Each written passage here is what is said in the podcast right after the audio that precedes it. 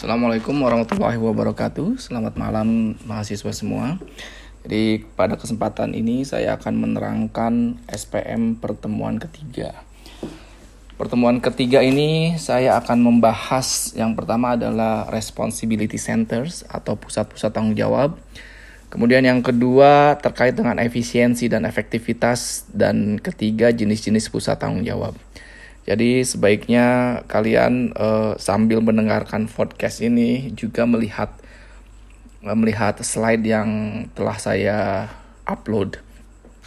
Jadi pada slide uh, sekarang slide ketiga. Di ketiga saya akan menerangkan apa itu responsibility centers atau pu pusat tanggung jawab. Jadi pusat tanggung jawab merupakan organisasi yang dipimpin oleh seorang manajer yang bertanggung jawab terhadap aktivitas yang dilakukan. Pada hakikatnya, perusahaan merupakan sekumpulan pusat-pusat tanggung jawab yang masing-masing diwakili oleh sebuah kotak dalam bagian organisasi. Jadi pusat-pusat tanggung jawab tersebut kemudian membentuk hierarki. Jadi kalau kita lihat pengertian dari responsibility centers atau pusat tanggung jawab yang saya sebutkan tadi, uh, akan kelihatan bahwa sebenarnya pusat-pusat tanggung jawab merupakan bagian-bagian dari organisasi. Jadi sekumpulan-sekumpulan kotak-kotak ya dalam organisasi. Contohnya adalah nanti juga akan saya terangkan jenis-jenisnya. Contohnya adalah pusat uh, pertanggungjawaban misalkan pusat tanggung jawab uh, revenue center. Revenue center itu di pemasaran gitu ya. Itu pusat tanggung jawabnya nanti uh, revenue center. Kemudian ada nanti cost center. Cost center itu misalkan di manufac manufacture. Nah, ini ini salah satu salah satu bentuk responsibility center atau pusat tanggung jawab. Jadi biasanya dipimpin oleh seorang manajer. Seorang manajer terhadap aktivitas yang terjadi di lingkungan di lingkungan atau di kelompok di kelompok-kelompok yang ada di organisasi tersebut. Kemudian slide 4, si sifat dari pusat tanggung jawab. Jadi pusat tanggung jawab muncul guna e, mewujudkan satu atau lebih sasaran tertentu yang selaras serasi dan seimbang dengan sasaran umum organisasi. Jadi pastilah, jadi kalau suatu organisasi ingin membentuk pusat-pusat tanggung jawab, pusat-pusat tanggung jawab itu harus memang selaras dengan e, tujuan organisasi secara umum. Jangan sampai nanti satu pusat tanggung jawab itu berbeda tujuannya atau goalnya itu tidak kongruen dengan goal organisasi. Ini tidak. Jadi pusat-pusat tanggung jawab itu memang kalau disatukan itu dalam rangka mencapai tujuan organisasi. Jadi sasaran umum ditentukan dalam proses perencanaan strategis sebelum proses pengendalian manajemen dimulai. Ini umum ya. Jadi uh, sasaran umum atau uh, goal dari organisasi secara umum itu ditentukan sebelum pengendalian manajemen dimulai. Fungsi dan berbagai pusat tanggung jawab dalam perusahaan adalah untuk mengimplementasikan tang strategi tersebut. Nah, itu tadi. Jadi ada sasaran umum organisasi, kemudian nanti dibentuk-bentuk pusat tanggung jawab. Nah, pusat pusat tanggung jawab inilah nanti yang akan digunakan untuk bagaimana strategi organisasi itu bisa tercapai seperti itu. Kemudian yang kelima, slide kelima bagan cara kerja setiap pusat tanggung jawab. Sebenarnya hanya ada tiga tiga proses besar. Yang pertama adalah input. Jadi kalau kita lihat input input itu terkait sumber daya yang digunakan uh, dan biaya yang uh, diukur dari biayanya. Kemudian ada pekerjaan prosesnya di sini modal. Kemudian ada output. Outputnya bisa barang atau jasa.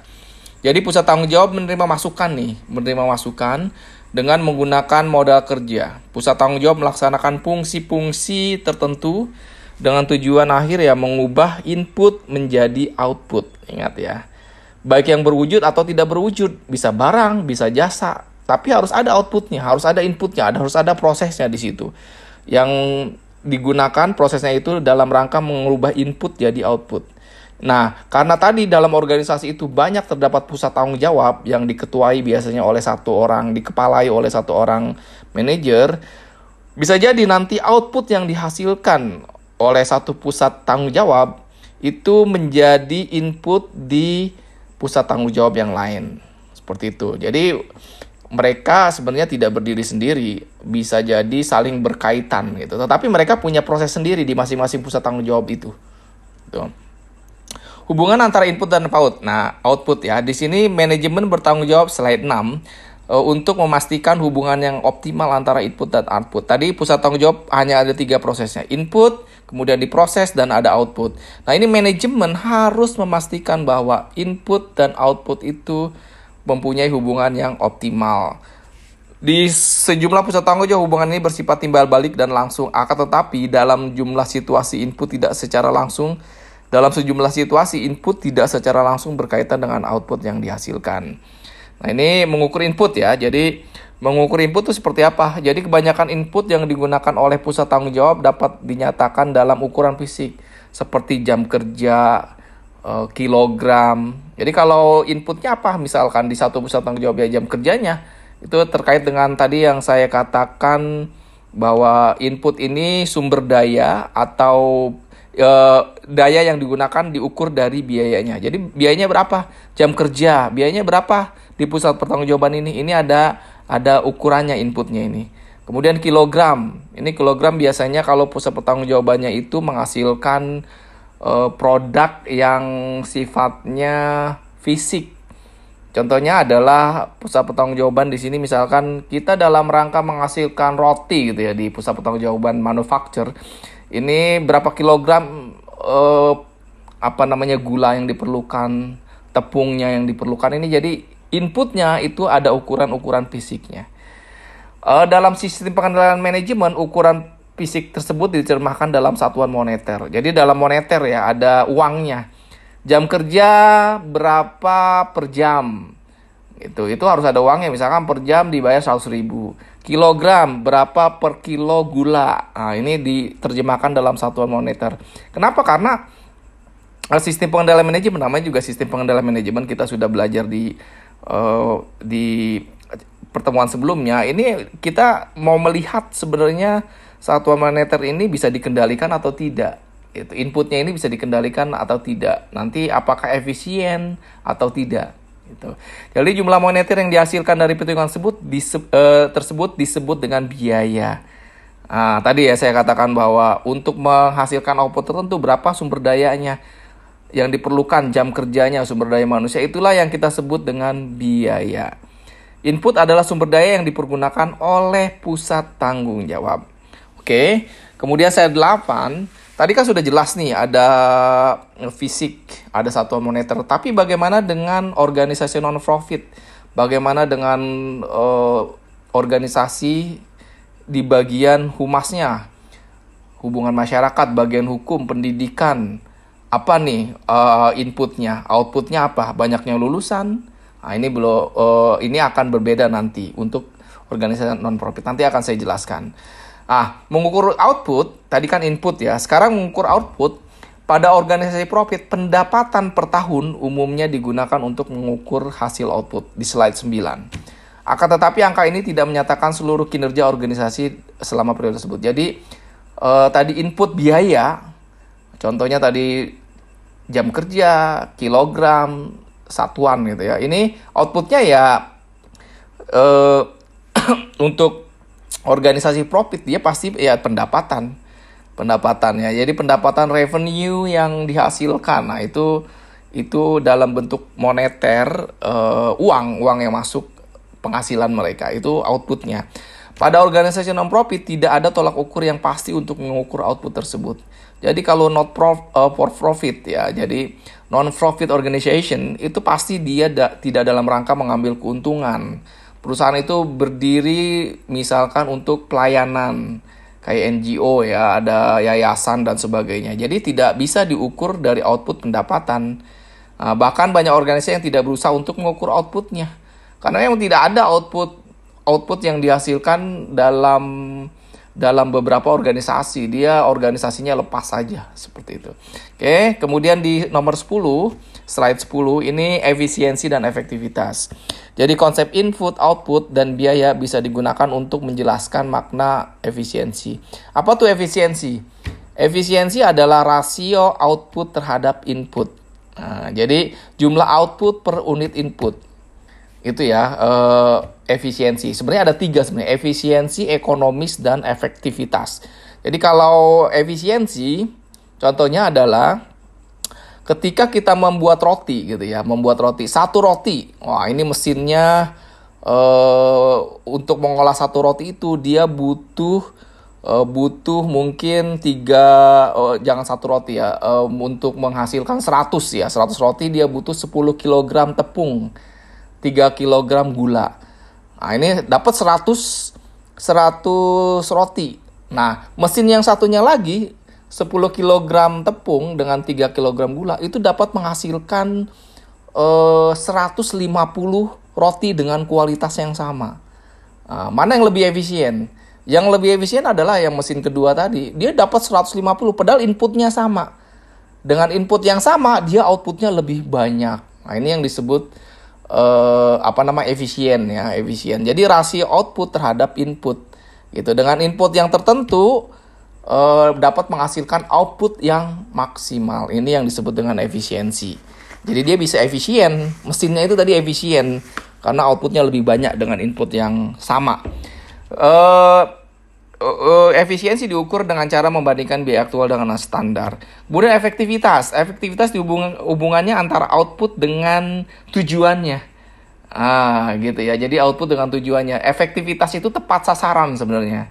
Tepat sasaran. Contohnya adalah uh, apa namanya? Per, uh, kalau gini ya, kalau kita saya analogikan kalau kita sedang perjalanan dinas gitu ya. Perjalanan dinas dari Jakarta ke Makassar gitu. Apa yang disebut efektif? Kalau efektif adalah tepat tepat sasaran. Artinya kalau kita memang mau ke Makassar perjalanan dinas dari Jakarta sampai ke Makassar naik pesawat gitu ya. Tapi kalau ternyata dari Jakarta tiba-tiba ada di Bali nah itu tidak tepat sasaran. Artinya eh, tidak tidak efektif gitu Nah, efisien, kalau efisien ya, kalau efisien, efisien itu oke okay, tepat sasaran dari Jakarta ke Makassar sampai ke sana, artinya efektif ya sampai ke tujuan. Tapi sebelum ke Makassar kita mampir dulu ke Surabaya, kemudian ke Manado, baru ke Makassar. Itu tidak efisien karena dalam rangka menuju tujuan tadi Makassar kita muter-muter perlu sumber daya input yang lebih banyak. Itu artinya tidak efisien seperti itu ya. Ada satu lagi sebenarnya ekonomis. Kalau ekonomis itu uh, kita kalau tadi kan per uh, apa namanya perbandingan antara output dengan input. Ekonomis adalah bagaimana kita mencari input yang paling murah gitu. Jadi oke okay, kita langsung ke sampai ke Makassar berarti efis, uh, efektif ya. Efektif, tepat sasaran. Terus kita juga uh, tidak muter-muter nih langsung ke Makassar. Oke, okay, efisien.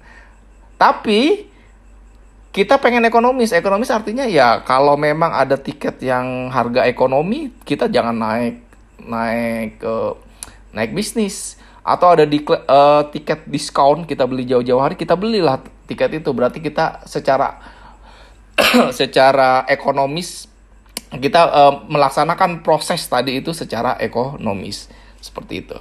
Oke. Okay. Uh, bab 11 Efisiensi eh, eh bukan bab 11 maksud saya slide 11. Efisiensi diukur dengan cara membandingkan biaya aktual dan eh, standar eh, ada kelemahannya. Apa kelemahannya nanti saya terangkan. Jadi efisiensi dan efektivitas. Efisiensi dan efektivitas saling berkaitan. Jadi setiap pusat tanggung jawab harus efektif dan efisien. Jadi tadi input, proses, output harus dia uh, efektif, artinya tepat sasaran. Outputnya yang mau dituju itu apa?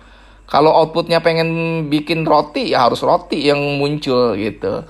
Dan harus harus efisien, artinya sumber dayanya dipakai sedikit tapi hasilnya yang harus maksimal. Itu efisien. Gitu ya. Ukuran yang tepat untuk organisasi profit adalah laba. Gitu ya. Profit ya laba. Laba income di sini. Nah, sekarang kita coba uh, menerangkan di di slide 13 jenis jenis pusat tanggung jawab. Nanti apa pun organisasinya, apa pun aktivitas di situ, apakah kemarin kita juga sudah belajar sebenarnya organisasi itu ada organisasi fungsional, ada organisasi unit bisnis, divisi, ada matriks. Jadi apa pun e, bentuk organisasinya itu biasanya dia punya punya punya pusat-pusat tanggung jawab. Pusat-pusat tanggung jawab itu diklasifikasikan dalam empat jenis Yang pertama adalah pusat pendapatan revenue center. Yang kedua adalah pusat beban atau biaya cost center atau expense center. Sama nih ya, cost atau expense center. Kemudian nanti dibagi ini e, biaya teknik dengan biaya kebijakan, pusat laba profit center, pusat investasi atau investment center. Apa yang diukur? Nah, ini kalau kita lihat di bab 14 ini ada contoh-contoh tabel fungsi dalam perusahaan, unit bisnis dalam perusahaan dan kira-kira tipe pusat pertanggungjawaban yang tepat itu apa? Nah, contohnya kalau kita bicara di keempat dulu ya, pemasaran. Kalau pemasaran, tipe pusat pertanggungjawabannya adalah revenue. Itu. Jadi yang paling tepat adalah revenue. Kenapa? Karena memang outputnya nanti adalah e, berapa penjualan yang bisa dihasilkan. Penjualan kan pendapatan. Makanya pusat pertanggungjawaban tipenya adalah revenue center atau pusat tanggung jawab pendapatan di sini. Masukan sama masukannya ya sumber daya dengan biaya. Sumber daya berapa manusia yang diperlukan di situ, kemudian eh, modalnya ya dan tentu saja biaya. Kemudian nanti prosesnya aktivitas pokok fungsinya. Keluarannya outputnya apa? Pengelolaan pemasaran, uh, ukuran kinerjanya, ta target pemasaran yang dicapai. Gitu. Jadi kalau pemasarannya itu misalkan nanti bisa menghasilkan revenue berapa, misalkan 100 miliar gitu kan. Ini target pemasarannya nih bisa menghasilkan revenue 100 miliar. Berarti itu yang dijadikan tolak ukuran kinerja. Kalau ternyata pendapatannya kurang dari 100 miliar berarti kinerjanya kurang bagus.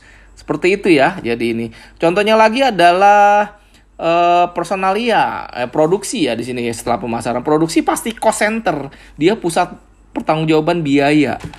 Ah, ini. Jadi pusat pertanggungjawaban biaya sama masukannya, keluarannya, nanti ukuran kinerjanya ya target produksi yang tercapai. Dia fokusnya ukurannya adalah bahwa apa namanya? Dia lebih fokus ke produksi atau biaya yang dihasilkan karena memang dia tidak menghasilkan revenue di situ.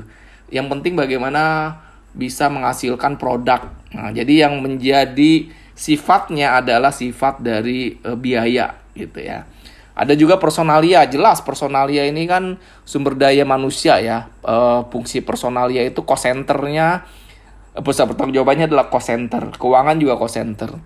Dan kalau total perusahaan, ini biasanya lebih ke investment center. Artinya apa? Total perusahaan itu outputnya yang mau dilihat apa? Laba kan, laba return on investment.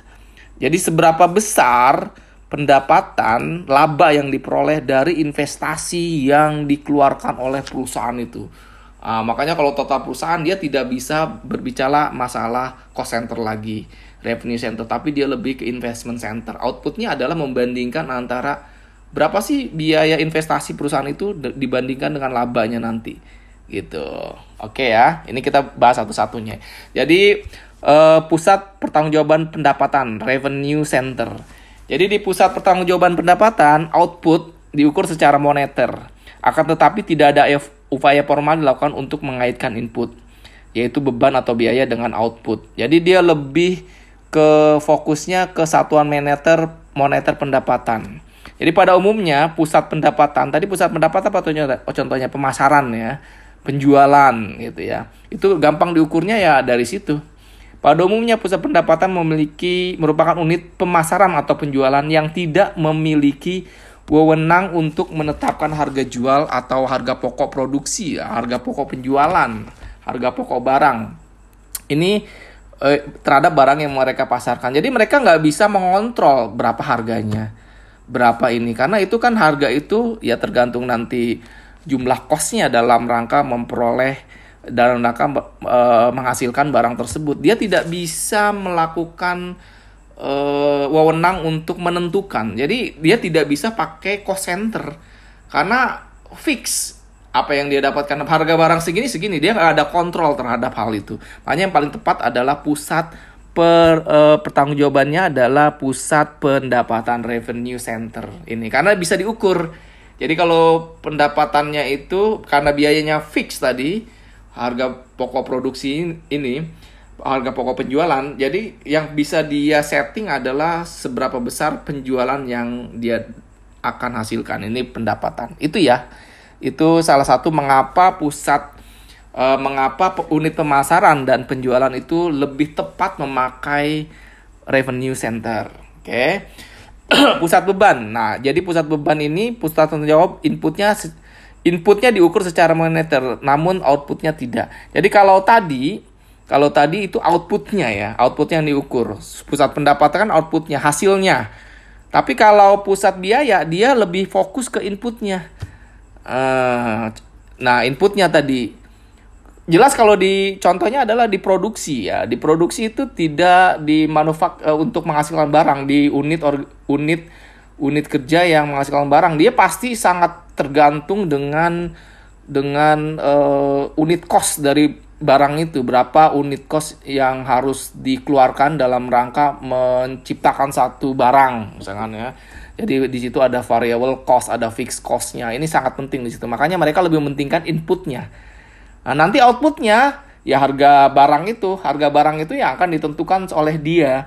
Tetapi penjualan dia nggak nggak nggak nggak in charge jadi tidak tepat kalau dia nanti ke pendapatan dia lebih fokus ke kinerjanya bisa diukur kalau memang inputnya bisa efisien itu. Ada dua jenis ya, biaya teknik dan biaya kebijakan ya. Ini biaya teknik. Teknik ini biasanya bisa diestimasikan. Contohnya biaya pabrik, bahan baku, tenaga kerja, perlengkapan. Jadi pusat beban teknik ciri-cirinya adalah dapat diukur secara moneter, dapat diukur secara fisik, jumlah rupiah optimum dan input yang dibutuhkan untuk memproduksi satu unit output dapat ditentukan. Ini ini untuk uh, pusat pertanggungjawaban biaya yang berjenis biaya teknik. Bagaimana dengan biaya kebijakan? Nih slide 18. Ini tidak ada estimasinya nih. Jadi tergantung penilaian kebijakan manajemen di sini berapa. Nah, biasanya pusat biaya ini kebijakan ini meliputi unit-unit administratif dan pendukung. Operasi lead bank, nah, ini mulai muncul ya. Uh, lead bank itu research and development, uh, R&D, ini lead bank ya. Kemudian hampir semua aktivitas uh, perusahaan secara keseluruhan. Jadi ini biasanya tidak bisa diukur. Kalau lead bank itu tadi tidak bisa diukur. Makanya dia pakai estimasi manajemen saja. Berapa sih dalam rangka misalkan paten ini ya paten ini dalam rangka uh, paten contohnya lah paten uh, kayak iPhone gitu ya iPhone menerbitkan misalkan ya misalkan retina display. Retina display ini dalam rangka ini berapa biaya-biaya yang diperlukan. Nah ini biasanya tidak ada ukuran ukuran apa namanya ukuran secara tepat dan mem memadai ya tepat tepat dan memadai e, mengestimasi berapa. Karena banyak sekali faktornya di sini. Bisa jadi kalau tadi terukur ya dalam rangka menghasilkan produk ini pasti dibutuhkan segini-gini. Tapi kalau paten paten itu wah biayanya itu bisa sedikit bisa besar tidak bisa ada ukuran yang pasti. Paling jadi tergantung kebijakan manajemen gitu Nah, ini outputnya tidak bisa diukur secara moneter, jadi uh, sungguhnya bukanlah ukuran efisiensi. Tidak bisa dikatakan efisiensi. Bagaimana efisiensi artinya dalam paten seperti retina display tadi, itu berapa sih yang kita butuhkan uh, dengan seminimal mungkin biayanya? Tidak bisa. Karena bisa jadi itu proyeknya itu untuk menghasilkan retina display itu tiga tahun. Tiga tahun dengan biaya yang luar biasa banyak gitu. Uh, karena memang ya itu banyak banyak faktornya di situ. Atau ada yang cuma biaya sedikit tapi orangnya itu cemerlang menghasilkan ide-ide tiba-tiba ada paten yang sangat bagus. Uh, misalkan paten menghasilkan Android tadi ya Android itu platform untuk mobile.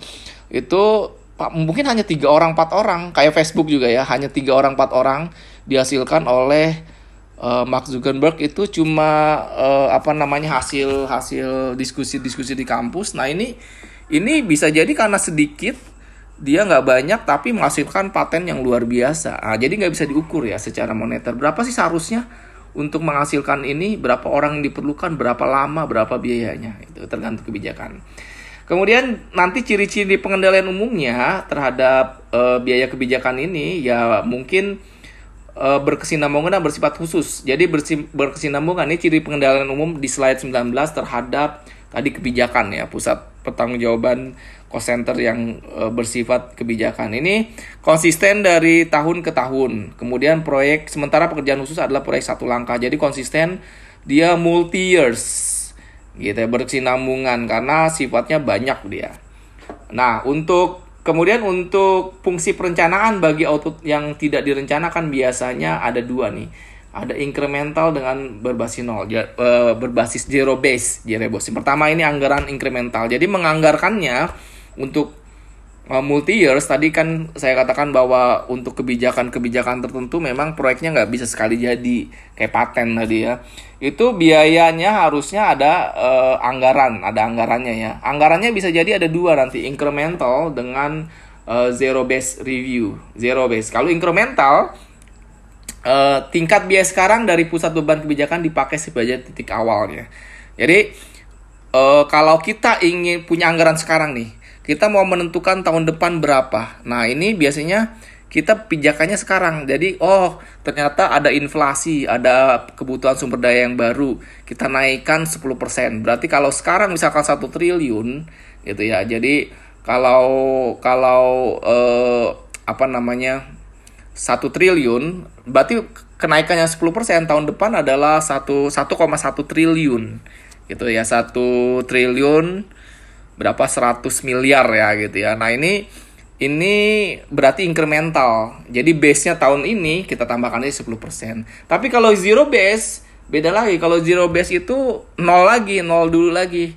Uh, jadi hitungnya kalau sekarang 100 triliun didapat dari ini ini ini ini sampai muncul 100 triliun uh, uh, untuk penghitungan tahun depan kita mulai dari nol lagi kita hitung lagi dari awal awal awal kita butuh berapa berapa bisa jadi 900 miliar bisa jadi naik 1,2 triliun tapi kalau incremental enggak jadi kita tetap memakai anggaran tahun lalu tapi kita tambah-tambahkan saja kira-kira namanya incremental ya yang perlu ditambahkan yang mana tapi kalau nggak perlu lagi hitung dari awal lagi jadi yang ini oh, udah pakai tahun lalu base-nya. Tapi kalau increment uh, kalau zero base kita mulai dari awal lagi.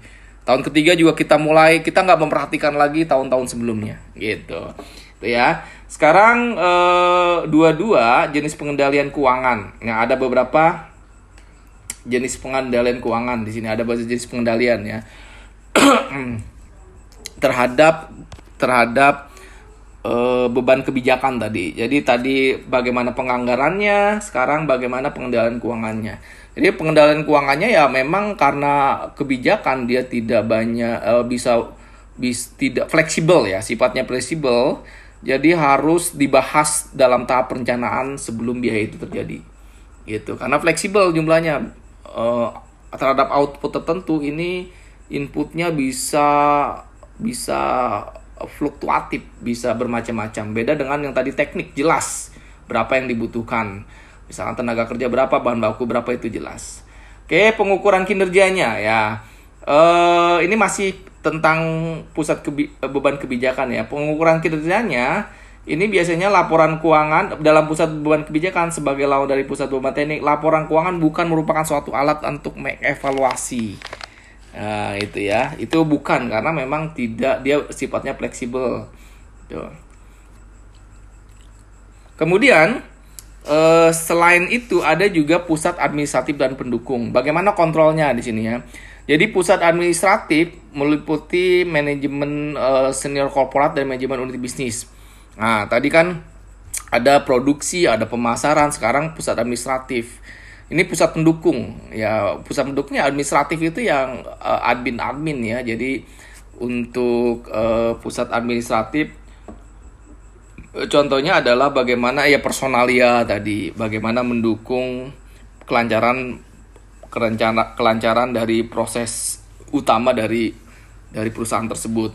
Jadi pusat administratif meliputi manajemen senior corporate, manajemen unit bisnis serta manajemen unit pendukung. Pusat pendukung merupakan unit-unit yang menyediakan layanan kepada pusat tanggung jawab. Ini. Jadi pusat tanggung jawab tadi ada yang mendukung di situ. Di situ biasanya fungsi-fungsi administratif. Ya. Kemudian juga ada uh, permasalahan pengendalian, kesulitan dalam pengukuran output, tidak adanya kesalahan cita-cita ini.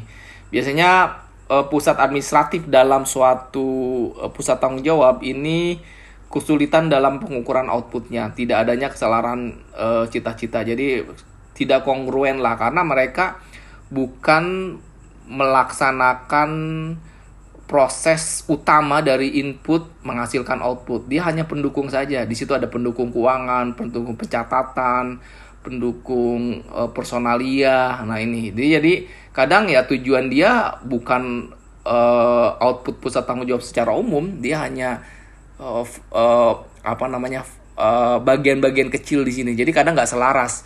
Kalau pusat tanggung jawab kan jelas, saya ingin pemasaran tadi ya, pemasaran misalkan saya ingin target penjualan segini. Nah, tapi kalau orang pemasarannya jelas dia ada output. Tapi kalau yang bagian di pemasar administrasi di bagian pemasaran itu dia nggak mau tahu. Yang penting saya hanya mencatat saja, mencatat saja. Jadi tidak kongruen di sini, gitu ya.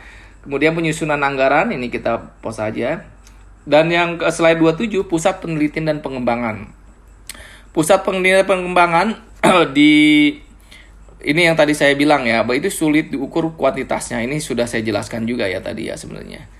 Ya tidak ada kesalahan cita-cita, kemudian rangkaian. Nah ini rangkaian penelitian pengembangan tidak terencana, ada tenggang waktu yang lama. Ini sudah saya jelaskan ya. Litbang juga, Litbang eh, program Litbang Research and Development di sini ada kelonggaran, fleksibilitas tadi saya bilang ya.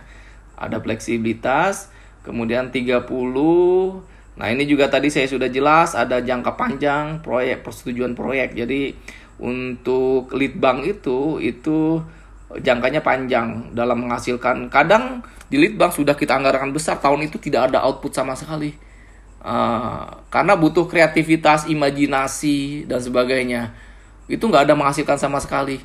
Nah, tahun besok ternyata dalam satu tahun itu wah menghasilkan mau 6 paten, 10 paten gitu. Itu jadi tidak bisa diprediksi. Itu harus sifatnya jangka panjang. Bisa jadi 10 tahun cuma menghasilkan satu paten, satu produk yang sifatnya intelektual gitu. Pengukuran kinerjanya juga agak sulit di sini karena memang lebih longgar ya di sini. Nah, ini kemudian pusat pemasaran, tadi lead bank sudah, administrasi sudah. Ini ada nanti aktivitas logistik dengan aktivitas pemasaran ini juga tidak begitu Nah, ini yang slide terakhir tiga-tiga seperti yang sudah saya jelaskan. Baik, mudah-mudahan bisa bermanfaat penjelasan uh, atas slide yang saya berikan. Assalamualaikum warahmatullahi wabarakatuh.